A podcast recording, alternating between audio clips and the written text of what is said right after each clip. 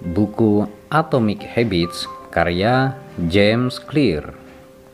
Bab ke-17 Bagaimana mitra akuntabilitas dapat mengubah segalanya? Setelah mengabdi sebagai seorang pilot dalam Perang Dunia Kedua, Roger Fisher kuliah lagi di Harvard Law School dan menghabiskan 34 tahun mengkhususkan diri dalam negosiasi serta manajemen konflik ia mendirikan Harvard Negotiation Project dan bekerja sama sejumlah negara serta tokoh dunia dalam resolusi-resolusi damai, krisis penyanderaan, dan kompromi-kompromi diplomatis.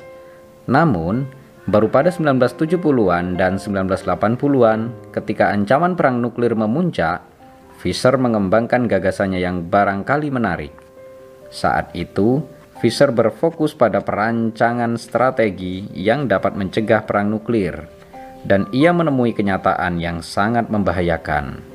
Siapa pun presiden yang sedang menjabat, ia akan memiliki akses ke sandi-sandi peluncuran yang mampu mencabut nyawa jutaan orang, tapi tidak akan pernah melihat sendiri siapa yang tewas karena selalu berada ribuan kilometer dari tempat kejadian. Yang saya sarankan sangat sederhana tulisnya dalam tahun 1981. Tempatkan angka sandi nuklir itu di dalam kapsul kecil.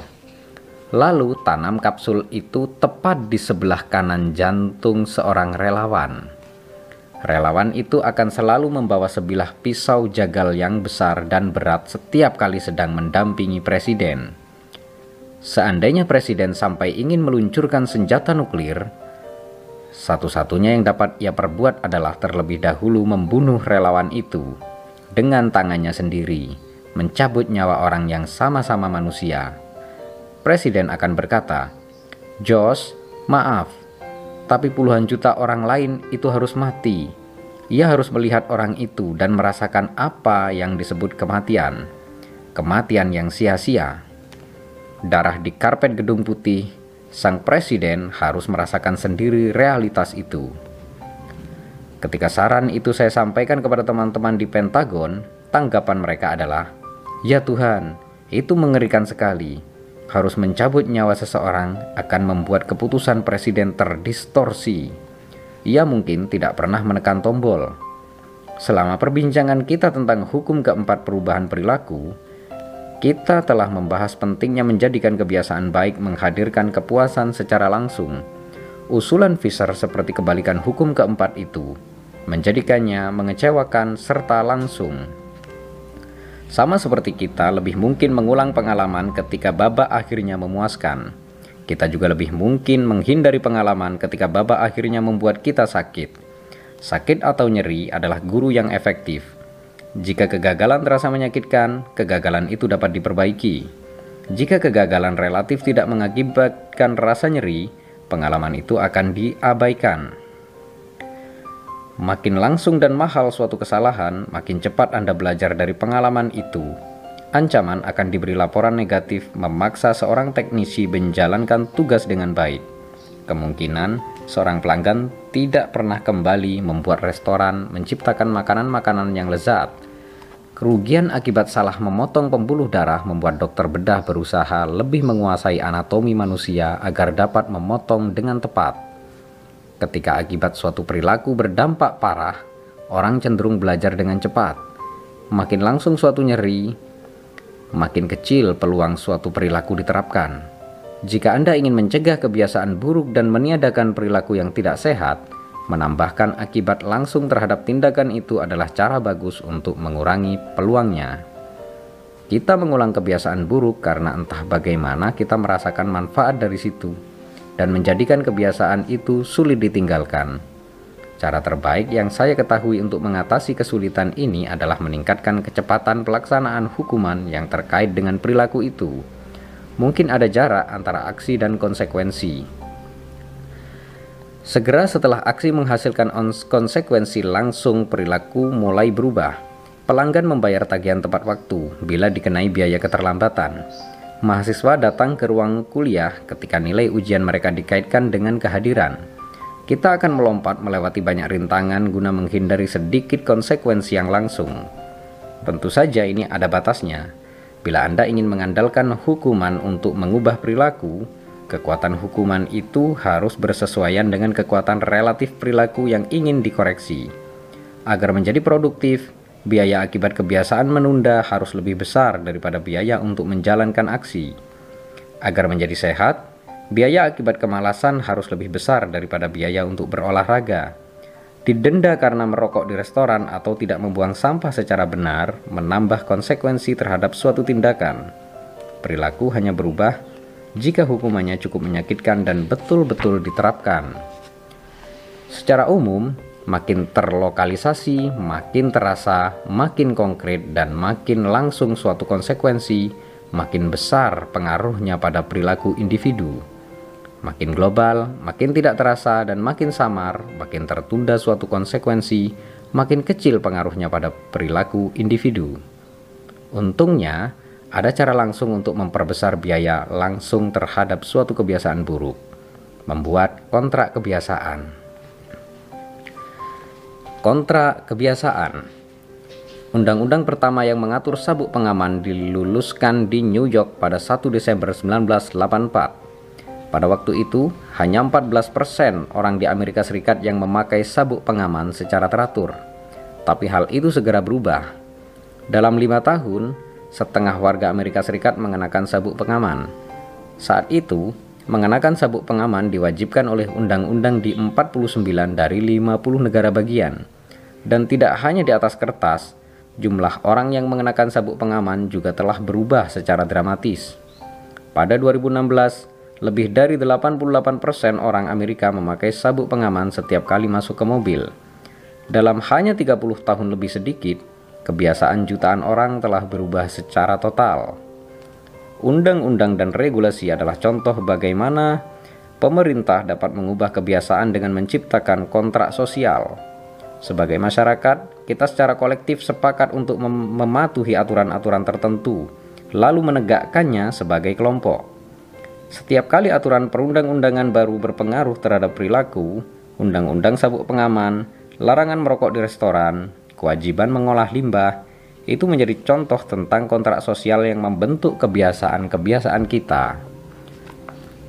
Dalam hal ini, kelompok sepakat untuk bertindak dengan cara tertentu, dan jika tidak mematuhinya, Anda akan dihukum. Sama seperti pemerintah menggunakan undang-undang untuk membuat warganya akuntabel anda dapat menciptakan kontrak kebiasaan untuk membuat diri sendiri akuntabel. Kontrak kebiasaan adalah kesepakatan lisan atau tertulis ketika Anda menyatakan komitmen terhadap kebiasaan tertentu serta hukuman yang akan terjadi seandainya Anda tidak mengikutinya. Brian Harris, pebisnis dari Nashville, Tennessee, adalah orang pertama yang saya lihat menerapkan strategi ini. Tak lama setelah kelahiran putranya, Haris sadar ia ingin menurunkan bobot beberapa kilogram. Ia menulis kontrak kebiasaan antara dirinya sendiri, istrinya, dan pelatih pribadinya. Versi pertamanya berbunyi, sasaran pertama Brian untuk Q1 2017 adalah mulai makan dengan benar, adalah mulai makan dengan benar lagi agar ia merasa lebih baik, terlihat lebih baik, dan berhasil meraih sasaran jangka panjang untuk memiliki timbangan 100 kg dengan 10% lemak tubuh. Di bawah pernyataan itu, Haris membeberkan peta jalan untuk meraih hasil idealnya. Fase ke-1, kembali ke diet ketat slow carb di Q1. Fase kedua, memulai program pemantauan makronutrien yang ketat di Q2. Fase ketiga, memperbaiki dan mempertahankan detail program diet dan olahraganya di Q3. Akhirnya, ia mencatat tiap kebiasaan harian yang akan mengantarnya ke sasaran. Sebagai contoh, catat semua makanan yang ia konsumsi tiap hari berikut hasil penimbangan badannya tiap hari. Selanjutnya, ia menuliskan hukuman seandainya tidak mematuhi kontrak. Kalau Brian tidak melaksanakan kedua hal ini, konsekuensi berikut terpaksa diterapkan ia harus berpakaian lengkap tiap hari dan tiap minggu pagi sampai satu kuartal berakhir. Yang dimaksudkan dengan berpakaian lengkap adalah tidak mengenakan jeans, t-shirt, jaket bertudung, atau celana pendek. ia juga akan membeli Joy, pelatihnya 200 dolar untuk digunakan semaunya kalau melewatkan pencatatan makanan untuk sehari. Di bagian bawah kontrak itu, Haris, istrinya, dan pelatihnya membubuhkan tanda tangan. Reaksi awal saya adalah kontrak seperti ini terkesan terlalu formal dan berlebihan, terutama tanda tangan. Namun, Harris meyakinkan saya bahwa menandatangani kontrak adalah indikasi keseriusan. Setiap kali melewatkan bagian ini, katanya, hampir seketika saya mulai kendur. Tiga bulan kemudian, setelah mencapai target Q1, Haris meningkatkan sasaran. Konsekuensi juga ditingkatkan. Kalau melewatkan target karbohidrat dan protein, ia harus membayar pelatihnya 100 dolar. Kalau lupa menimbang badan, ia harus memberi istrinya 500 dolar untuk dipakai sesukanya. Barangkali yang paling menyakitkan, kalau lupa berlatih sprint, ia harus memakai pakaian resmi setiap hari dan mengenakan topi Alabama sampai akhir kuartal. Yang lebih pahit daripada hukuman lain.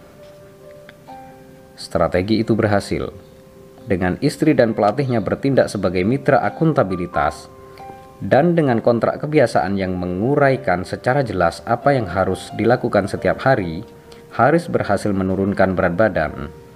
Untuk menjadikan kebiasaan buruk mengecewakan, opsi terbaik adalah opsi terbaik Anda adalah menjadikan kebiasaan itu menyakitkan saat itu juga. Menyusun kontrak kebiasaan adalah cara langsung untuk melakukannya. Bahkan seandainya Anda tidak ingin menyusun kontrak kebiasaan selengkap itu, memiliki mitra akuntabilitas sudah sangat membantu. Pelawak Margaret Cho menulis lawakan atau lagu setiap hari. Ia menjadikan satu lagu per hari sebagai tantangan di depan tamannya, yang membantunya tetap akuntabel. Tahu ada seseorang yang menyaksikan dapat menjadi motivator yang dahsyat. Anda hampir tidak mungkin menunda-nunda atau menyerah karena kerugian langsungnya ada. Bila Anda tidak mematuhinya, barangkali mereka akan memandang Anda sebagai sosok yang tidak dapat dipercaya atau pemalas. Tiba-tiba, Anda tidak hanya gagal memenuhi janji pada diri sendiri, tapi juga gagal memenuhi janji pada orang lain. Anda bahkan dapat mengotomatiskan proses ini. Thomas Frank, pebisnis di Boulder, Colorado, bangun pukul 5.55 tiap pagi jika tidak melakukannya, ia menulis tweet otomatis yang berbunyi pukul 6.10 dan saya tidak bangun karena saya malas. Jawab ini untuk mendapatkan 5 dolar via PayPal, limit 5, karena baker saya tidak rusak. Kita selalu berusaha menampilkan diri terbaik kita pada dunia. Kita menyisir rambut dan menggosok gigi dan berdandan sebaik mungkin karena kita tahu kebiasaan-kebiasaan ini paling mungkin mendapatkan reaksi yang positif. Kita ingin memperoleh nilai baik dan lulus dari sekolah terbaik agar mendapatkan kesan terbaik dari calon pemberi kerja, teman, dan keluarga. Kita peduli terhadap pandangan orang sekitar karena itu berguna agar mereka menyukai kita. Ini tempat ini tepatnya mengapa mendapatkan mitra akuntabilitas atau menandatangani kontrak juga banyak gunanya. Ringkasan Bab ke-17 Kebalikan hukum keempat perubahan perilaku adalah menjadikannya mengecewakan. Kita lebih mustahil mengulang kebiasaan buruk kalau kebiasaan itu menyakitkan atau mengecewakan. Mitra akuntabilitas dapat menciptakan kerugian langsung atas kemangkiran kita. Kita sangat peduli terhadap pandangan orang lain tentang kita. Jadi kita tidak ingin orang lain berpandangan buruk tentang kita Kontrak kebiasaan dapat dipakai untuk menambahkan biaya sosial pada perilaku mana pun. Kontrak itu membuat kita harus mengeluarkan uang karena melanggar janji di depan umum, dan ini menyakitkan. Tahu ada orang yang mengawasi Anda dapat menjadi motivator yang manjur. Cara menciptakan kebiasaan baik. Hukum ke-1. 1. Menjadikannya terlihat mengisi kartu nilai kebiasaan. Tulis kebiasaan-kebiasaan saat ini untuk menyadari semuanya. 2. Menggunakan niat implementasi. Aku akan dalam kurung perilaku. Pada dalam kurung waktu. Di dalam kurung lokasi. 3. Memupuk kebiasaan.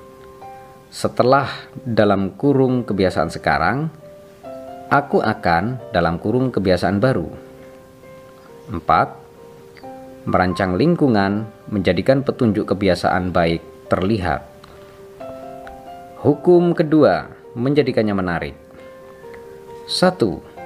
Menggunakan paket godaan, pasangkan aksi yang ingin dilakukan dengan aksi yang perlu dilakukan. 2. Bergabung dengan kultur tempat perilaku yang Anda inginkan dianggap perilaku normal. 3. Menciptakan ritual motivasi. Lakukan sesuatu yang Anda nikmati sesaat sebelum kebiasaan yang sulit. Hukum ketiga menjadikannya mudah. 1. Mengurangi hambatan. Kurangi jumlah tahap antara Anda dan kebiasaan baik Anda. 2. Menyiapkan lingkungan sebaik mungkin. Siapkan lingkungan agar tindakan di masa mendatang lebih mudah. 3. Menguasai momen menentukan. Optimalkan pilihan-pilihan kecil yang dapat memberikan dampak yang jauh lebih besar. 4. Menggunakan aturan 2 menit Turunkan skala kebiasaan sampai dapat dikerjakan dalam 2 menit atau kurang. 5. Mengotomatiskan kebiasaan, berinvestasi dalam teknologi dan pembelian satu kali yang dapat mengunci perilaku di masa mendatang. Hukum keempat, menjadikannya memuaskan. 1. Menggunakan penguatan ulang. Beri ganjaran langsung pada diri sendiri ketika menyelesaikan kebiasaan Anda. 2 Jadikan tidak melakukan apa-apa dapat dinikmati ketika menghindari kebiasaan buruk. Rancang cara untuk melihat manfaatnya. 3. Menggunakan pemantau kebiasaan. Pantau terus rangkaian kebiasaan dan jangan memutus rantai. 4. Jangan mangkir dua kali. Ketika lupa melakukan suatu kebiasaan, pastikan langsung kembali ke jalur dengan segera. Cara menghentikan kebiasaan buruk. Kebalikan hukum ke satu, menjadikannya tidak kelihatan. Mengurangi paparan, hilangkan petunjuk-petunjuk kebiasaan buruk Anda dari lingkungan Anda. Kebalikan hukum kedua, menjadikannya tidak menarik. Membingkai ulang pola pikir, berfokus pada manfaat dari menghindari kebiasaan-kebiasaan buruk. Kebalikan hukum ketiga, menjadikannya sulit 1. Meningkatkan hambatan, meningkatkan jumlah tahap antara Anda dan kebiasaan buruk Anda. 2. Menggunakan alat penjaga komitmen, batasi pilihan-pilihan masa depan sampai hanya yang bermanfaat. Kebalikan hukum keempat, menjadikannya mengecewakan. 1. Dapatkan mitra akuntabilitas, mitra seseorang, mitra seseorang mengawasi perilaku Anda. 2. Susun kontrak kebiasaan, jadikan kerugian melakukan kebiasaan buruk di depan umum mahal dan menyakitkan. Terima kasih dan bersambung ke bab 18.